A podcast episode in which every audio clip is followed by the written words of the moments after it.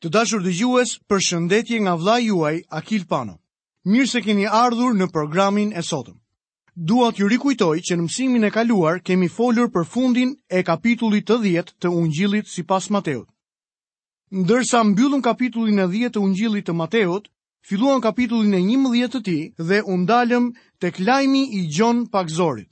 Pamë se si Gjoni dërgon disa prej dishepujve të tij tek Jezusi me pyetjen nëse Jezusi ishte Mesia, ai që Perëndia kishte parathënë nëpërmjet profetëve më parë dhe nëse ai ishte Jezusi Mesia, atëherë ky lajm do të ngushëllonte zemrën e Gjonit. Në mësimin e sotëm do të ndalemi sërish te kapitulli 11 i Ungjillit sipas Mateut dhe do ta fillojmë leximin tonë nga vargjet 20. Ka ardhur momenti për të vënë re një ndryshim të madh. Mos harroni asnjëherë që Jezusi është mbreti. Deri tani, ai ka shpallur etikën, ka paraqitur letrat e tij kredenciale duke bërë mrekulli, ka predikuar ungjillin se mbretëria e qiejve është afër, është paraqitur edhe vetë. por njerëzit nuk e kanë pranuar. Mospranimi i tyre e ka bërë Jezusin të marrë një vendim duke i mohuar ata gjithashtu. Ai është mbreti dhe mbretit gjithmonë i takon fjala e fundit. Le ta fillojmë leximin e sotëm në vargjet 20 dhe 21 të kapitullit të 11 të ungjillit sipas Mateut. Atëherë ai nisi t'i qortojë ato qytete ku ishte kryer pjesa më e madhe e veprave të fuqishme të tij, sepse ato nuk ishin penduar, duke thënë, Mjerë ti Korazin, mjerë ti Betsaida, sepse nëse në Tiro dhe në Sidon do të ishin kryer veprat e fuqishme që u bënë ndër ju, prej kohësh do të ishin penduar me thes dhe hi. Korazini dhe Betsaida ishin qytete që gjendeshin në veri, pranë Kapernaumit, ku Zoti kishte qendrën e tij. Në atë zonë, Jezusi kishte bërë mjaft mrekulli, por megjithatë, ata nuk e pranuan, ja pse tani Jezusi shpall gjykimin e tij mbi to. Lexojmë vargun e 22. Prandaj dhe unë po ju them se ditën e gjyqit, Tiro dhe Sidoni do të trajtohen me më shumë tolerancë sesa ju. Drita krijon përgjegjshmërinë. Zoti asnjëherë nuk pati ndonjë shërbesë në Tiro dhe Sidon dhe rrjedhimisht kuptohet që qendra e shërbesës së tij nuk ishte në këto qytete.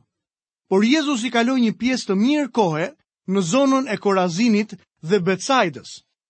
Dhe ai i bën apel përgjegjshmërisë së tyre për dritën që u dha. Kam përshtypjen se në ditën e gjykimit nga Perëndia, do të ketë shkallë të ndryshme si të dënimeve, ashtu edhe të shpërblimeve. Edhe sot në kohën kur ne jetojmë, ka shumë njerëz që kanë pasur një mundësi të lavdishme për të pranuar Krishtin, por megjithatë kanë zgjedhur t'i kthejnë krahët. Pa shkuar më në detaj, më lejoni t'ju them se nuk e di se çfarë do të bëjë Zoti me individin që jeton diku në një ishull të vogël të paqësorit jugor i cili nuk ka dëgjuar kurrë për ungjillin dhe është mësuar të përkulet përmbys për të adhuruar një idhull të bërë me dorë. Por e di se çfarë do të bëjë me personin që vjen dhe ulet në kishë çdo të diel dhe pasi dëgjon ungjillin nuk bën asgjë. Në vargun tjetër, Zoti flet për Kapernaumin, Qendrën e shërbesës së tij. Lexojmë vargun e 23. Dhe ti, o Kapernaum, që u ngrite deri në qiell, do të fundosesh deri në ferr, sepse nëse do të ishin kryer në Sodom veprat e fuqishme që janë kryer në ty, ajo do të ishte edhe sot e kësaj dite. Ç'privilegj patën ata duke qenë banorë të qytetit ku Zoti Jezus kishte qendrën e shërbesës së tij, por ata nuk e pranuan, Këtu Zoti Jezus po thotë se në rast se qyteti i paudhë i Sodomës do të kishte qenë dëshmitar i mrekullive që ai vetë kishte bërë në Kapernaum, atëherë qytetarët e saj do të kishin hequr dorë nga paudhësia e tyre, duke mos e merituar kësisoj dënimin që u derdh mbi ta. Lexojmë vargun e 24. Prandaj unë po ju them se ditën e gjyqit fati i vendit të Sodomës do të jetë më i lehtë se yti. Kjo është gjuha më e ashpër e përdorur ndonjëherë prej Jezusit. Por mos harroni se këto fjalë dolën nga buzët e Jezusit të butë. Këtu shohim se ai flet si gjykatës dhe si mbret. Ky lloj i foluri i rreptë duhet të na bëjë të qëndrojmë në vend dhe të hapim veshët mirë. Preferoj më mirë të isha një njeri i paqytetëruar në errësirën e një xhungle e të mos kisha dëgjuar kurrë për ungjillin, sesa të isha një zyrtar në një nga kishat tona moderne që ka një Bibël, por nuk e ka pranuar asnjëherë Krishtin si shpëtimtar. Megjithëse Sodoma dhe Gomorra ishin vende të tmerrshme, Fati i tyre në ditën e gjyqit do të ishte më i lehtë se ai i atyre qyteteve që e kishin dëgjuar mesazhin e Jezusit dhe nuk e kishin pranuar atë. Le të lexojmë vargjet 25 dhe 26. Në atë kohë Jezusi nisi të thotë: Unë të lavdëroj o At, Zoti i qiellit dhe i dheut, sepse ua fshehe këto gjëra të urtit dhe të mençurit dhe ua zbulove fëmijëve të vegjël. Po o atë, sepse kështu të pëlqeu ty. Shprehja Zoti Qielit na çon sërish tek Zanafilla kapitulli 14 dhe vargu 19, ku Perëndia thirret me emrin e tij. Ai është Zoti i Qiellit dhe tokës. Shumë njerëz të mençur nuk e kanë mësuar kurrë këtë të vërtetë, por megjithatë, shumë foshnja e kuptojnë atë. para shumë vitesh, Doktor Harry Ironside u shpreh, Mos harroni që gjithmonë t'i vendosni biskotat në fund të raftit të ushqimeve, që fëmijët të mund t'i gjejnë dhe t'i marrin. Në rast se predikoni në mënyrë që fëmijët të kuptojnë atë që ju po thoni, atëherë është më se e sigurt që më të rriturit do ta kuptojnë këtë gjë se s'bën. Megjithatë, jeta ka provuar se ka edhe raste ku të vegjlit kuptojnë e të rriturit nuk kuptojnë. Le të lexojmë vargun e 27 të kapitullit të 11. Çdo gjë më është dhënë në dorë nga Ati im dhe asnjëri nuk e njeh Atin përveç Birit, dhe atij të cilin biri don t'ia zbulojë. E thënë ndryshe, kjo nënkupton, Askush nuk vjen tek Ati përveçse nëpërmjet meje. Jezusi u bën thirrje të re individëve të ndryshëm. Vargjet që pasojnë na çojnë drejt një thyerje dhe ndryshimi të qartë në mesazhin e Zotit. Deri tani, Zoti Jezus i kishte mësuar njerëzit, pendohuni sepse mbretëria e qiejve është afër. Ai kishte paraqitur letrat e tij kredenciale dhe njerëzit e kishin mohuar si Mesia. Jeruzalemi, ashtu si edhe qytetet e sipërpërmendura, i kishin kthyer krahët. Tani Zoti i kthen krahët kombit izraelit duke mos u paraqitur më mbretërinë. Ai ka marrë rrugën për në kryq, ndërkohë që i bën ftesë çdo personi, Ja se ç'thotë Jezusi. Lexojmë vargjet 28 dhe 30. Ejani tek unë, o ju të gjithë të munduar dhe të rënduar, dhe unë do t'ju jap çlodhje. Merrni mbi veten zgjedhën time dhe mësoni nga unë, sepse unë jam zemërbutë dhe i përulur nga zemra, dhe ju do të gjeni prehje për shpirtrat tuaj, sepse zgjedha ime është e ëmbël dhe barra ime është e lehtë. Ky lloj të foluri është në kontrast të thellë me atë që është paraqitur më parë në këtë kapitull. Është një lloj sikurse të vish nga një mot i acartë me borë në ngrohtësinë e një dite pranvere, të kalosh nga stuhia në qetësi, të vish nga errësira në dritë. Ky është një mesazh i ri i Jezusit. Me anë të tij, ai drejtohet më tepër individit sesa kombit në përgjithësi. Ky mesazh nuk është më shpallja e mbretërisë në rang kombëtar, por një ftesë personale për të gjetur çlodhjen e shpëtimit. Shprehja unë do t'ju jap çlodhje do të thotë fjalë për fjalë, unë do të të çlodh, kur ai përmend shprehjen të rënduar, e ka fjalën për të qenit të ngarkuar me mëkatin. I njëjti ilustrim përmendet edhe nga Isaia dhe psalmisti. Mjerë komb mëkatar, popull i ngarkuar me paudhësi, racë keqbërësish, bij që veprojnë në mënyrë të çoroditur, kanë braktisur Zotin, kanë përçmuar të shenjtin e Izraelit, kanë devijuar dhe janë kthyer prapa. Paudhësitë e mia e kalojnë në fakt kohën time. Janë si një barrë e madhe, shumë e rëndë për mua. Miku im, mëkati është shumë i rëndë për t'u mbajtur mbi shpinë. Në rast se do të përpiqesh të mbash barrën e mëkatit tënd, atëherë do të vuash nga hernia diskale. I vetmi vend në botë ku mund të lësh barrën tënde është kryqi i Krishtit. Ai e mbajti atë për ty. Edhe tani, ai të fton të vish dhe t'ia japësh atij barrën e mëkatit tënd. Ai mund të të falë, sepse ai Jezusi mbarti edhe barrën e mëkatit tënd në kryqin e tij. Jezusi tha, ejani tek unë, o ju të gjithë të munduar dhe të rënduar, dhe unë do t'ju jap çlodhje. I referohet shpëtimit të mëkatarit nëpërmjet Jezu Krishtit. Merrni mbi veten zgjedhën time dhe mësoni nga unë, sepse unë jam zemërbutë dhe i përulur nga zemra, dhe ju do të gjeni prehje për shpirtrat tuaj. Dhe kjo thënie i referohet shenjtërimit praktik të besimtarit. Jezusi i jep çlodhje nëpërmjet shpengimit. Po kështu çdo besimtar përjeton çlodhje nëpërmjet përkushtimit ndaj Krishtit. Në rast se i jemi përkushtuar Zotit Jezus, atëherë nuk duhet të shqetësohemi për vlerësime dhe ngritje në pozitë nga njerëzit. E pranoj me sinqeritetin tim më të madh se kam hequr dorë nga pjesëmarrja në mbledhjet e organizatave, sepse jam i lodhur së tepërmi duke parë njerëz ambicioz që përpiqen të bëhen kryetar ose president. Në rast se ia keni përkushtuar jetën tuaj Krishtit, atëherë nuk duhet të shqetësoheni aspak për këtë gjë. Kur të zgjidhni të merrni zgjedhën e tij, ai do t'ju vendosë pikërisht atje ku ai dëshiron që ju të jeni. Këtu miqtë e mi, e kemi përfunduar studimin e kapitullit të 11 të Ungjillit sipas Mateut dhe le të vazhdojmë studimin tonë mbi kapitullin e 12. Tema e kapitullit të 12 është konflikti dhe prishja përfundimtare e Jezusit me drejtuesit fetarë. Le t'i kushtojmë edhe një herë vëmendje lëvizjes që gjendet në ungjillin sipas Mateut. Mbani mend që në rast se anashkalojmë atë, rrezikojmë të humbasim të gjithë mesazhin që po na jepet. Mateu këtu nuk po përpiqet as të japë një biografi të jetës së Zotit Jezus dhe as të përmbledhë ngjarjet në rendin kronologjik. Ai e paraqet Krishtin si mbret, pasi si i tillë ishte lindur në të vërtetë. Jezusi dhe ajo që ne e quajmë predikimi në mal përbën etikën e mbretërisë, pra manifestin e mbretit. Me anë të mrekullive që bëri, Jezusi demonstroi se kishte energji dhe më pas dërgoi apostujt e tij. Reagimi që patën njerëzit pas kësaj ishte kundërshtim dhe mohim i plotë. Ajo që pasoi më vonë ishte shpallja nga ana e mbretit gjykimin mbi këto qytete. Tani është momenti kur midis Zotit Jezus dhe udhëheqësve fetarë të asaj kohe, sidomos farisenjve, lind një konflikt i hapur.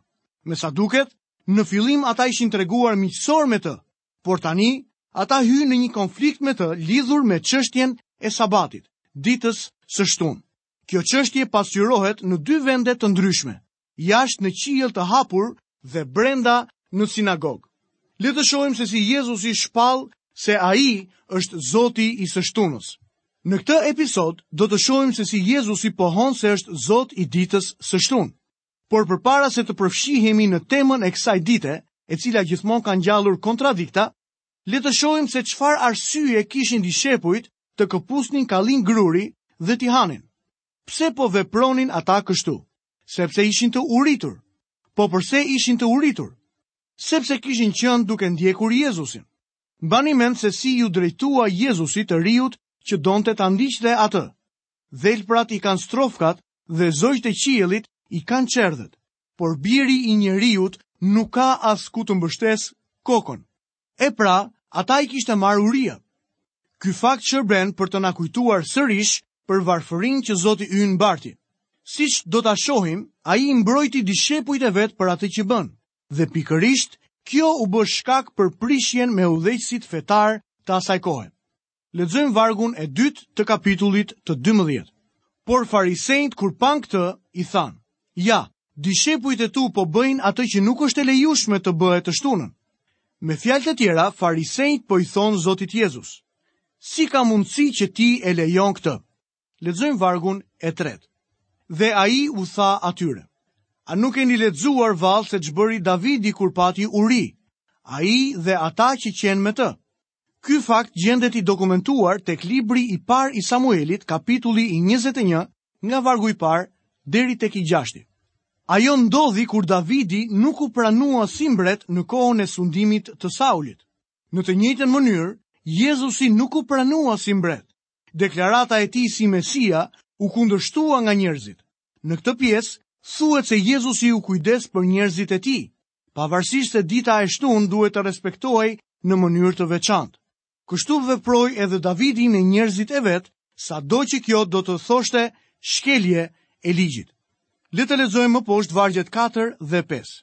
Si ai hyri në shtëpinë e Perëndisë dhe hëngri bukët e paraqitjes, të cilat nuk lejohej t'i hante as ai e as ata që ishin me të, por vetëm priftërinjtë. Apo nuk keni lexuar në ligj që në tempull të shtunave priftërinjtë e shkelin të shtunën dhe megjithatë nuk mëkatojnë. Vini re se thuhet që priftërinjtë punonin edhe ditën e shtunë. Lexojmë vargun e gjashtë. Edhe unë po ju them se këtu është një më i madh se tempulli. Në këtë moment Zoti Jezus ishte duke shpallur superioritetin e tij mbi qendrën më të shenjtë të jetës së tyre fetare. siç ishte tempulli. Sipas farisenjve, ai kishte bërë blasfemi. Pra, jo vetëm që kishte shkelur të shtunën, por edhe kishte blasfemuar. Lexojmë vargun e 7. Dhe po të dinit se çfarë do të thotë, unë dua mëshirë dhe jo flijime, nuk do të kishit dënuar të pafajshmit, sepse unë dëshiroj mëshirë dhe jo flijime. Kjo thënie gjendet tek libri i profetit Osea kapitulli i gjashtë dhe vargu i gjashtë. Zoti ynë Jezus i mbron njerëzit e tij duke thënë se ata nuk e shkelën ditën e shtunë. Përse e bën ai këtë gjë? Lexojmë vargun e 8. Sepse biri i njeriut është Zot edhe i së shtunës. Besomëni që duke thënë se ishte edhe Zot i së shtunës, Jezusi kishte prekur ritin më të shenjtë që ata kishin. Për farisenjtë, nuk mund të kishte deklaratë më të guximshme. Padyshim që ajo e ndezi edhe më tepër zemërimin dhe urrejtjen e tyre. Tani është momenti të largohemi nga arat me grurë dhe të futemi në sinagogë, ku përsëri ndeshim çështjen e së shtunës. Lexojmë vargun e nëntë. Pastaj mbasi u largua që andej, hyri në sinagogën e tyre.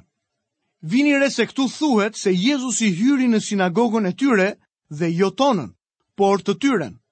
Ai tha diçka të ngjashme edhe për tempullin. Në fillim, tempulli ishte i Perëndisë, por në fund, ai tha, ju e keni braktisur shtëpinë tuaj. Lexojmë vargun e dhjetë dhe të njëmbëdhjetë. Dhe ja, aty ishte një burrë të cilit i qe tharë dora. Ata e pyetën Jezusin me qëllim që ta padisnin më pas. A është e lejueshme që dikush të shërojë ditën e shtunë? Dhe ai u tha atyre. A ka ndonjë prej jush që ka një dele dhe ajo bie në një gropë ditën e shtunë dhe ai nuk shkon që ta nxjerrë jashtë? A ndodhej aty ky njeri me dorë të tharë me qëllim që farisenjtë t'i ngrinin një kurth Jezusit për të parë nëse do ta shëronte apo jo. Në rast se kjo është e vërtetë, atëherë mund të thuhet se armiqtë e tij pranuan dy gjëra. E para, ata pranuan që Jezusi kishte fuqi të shëronte të sëmurët. Siç e kemi parë edhe më parë, ata kurrë nuk e vunë në pikëpyetje aftësinë e tij për të bërë mrekulli. Përpara se të dyshosh për mrekullitë e Jezusit, duhet të jetosh 2000 vjet pas kësaj periudhe dhe të punosh për gradën master apo doktor i shkencave në një librari që vjen era myk. Farisenjtë kishin pranuar hapur që Jezusi kishte fuqi të shëronte të sëmurët, ja pse ishin ata vetë që e sollën këtë njeri me dorë të tharë. Së dyti, ata ishin më se të bindur se për shkak të dhembshurisë që e karakterizonte Jezusin, Ai do të shëronte këdo që i dilte rrugës, qoftë edhe ditën e shtunë. Çfarë pohimi! Pyetja e tyre mbi përligjjen e shërimit ditën e shtunë ishte planifikuar për ta zënë atë në kurth. Në fakt, nga reagimi i Jezusit, ishin ata vetë që u zunë në kurth. Ata e pranonin që një dele mund të shpëtohej edhe ditën e shtunë, pasi edhe ligji i Moisiut e lejonte këtë gjë. Lexojmë vargun e 12. E pra sa më i vlefshëm është njeriu se delja. A është pra e lejueshme të bësh të mirën të shtunën? Kjo pyetje përbën edhe pikën më të vështirë të të gjithë çështjes. A duhej të bënte mirë Jezusi ditën e shtunë? Pavarësisht nga reagimi i tyre, dëgjoni se çfarë bëri Jezusi. Le të lexojmë vargun e 13 të kapitullit të 12 të Ungjillit sipas Mateut. Atëherë ai i tha atij burri: Shtrije dorën tënde. Dhe ai e shtriu dhe ajo iu shëndosh si tjetra. Pra Jezusi e shëroi këtë njeri në ditën e shtunë. A e shkeli Jezusi ligjin?